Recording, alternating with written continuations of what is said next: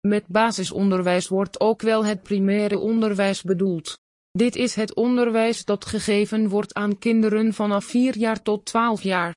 In sommige gevallen zijn kinderen in het basisonderwijs 13 of 14 jaar oud, als zij bijvoorbeeld hebben moeten dubleren. In de meeste landen is basisonderwijs bij wet verplicht. In Nederland is dat geregeld via de leerplicht.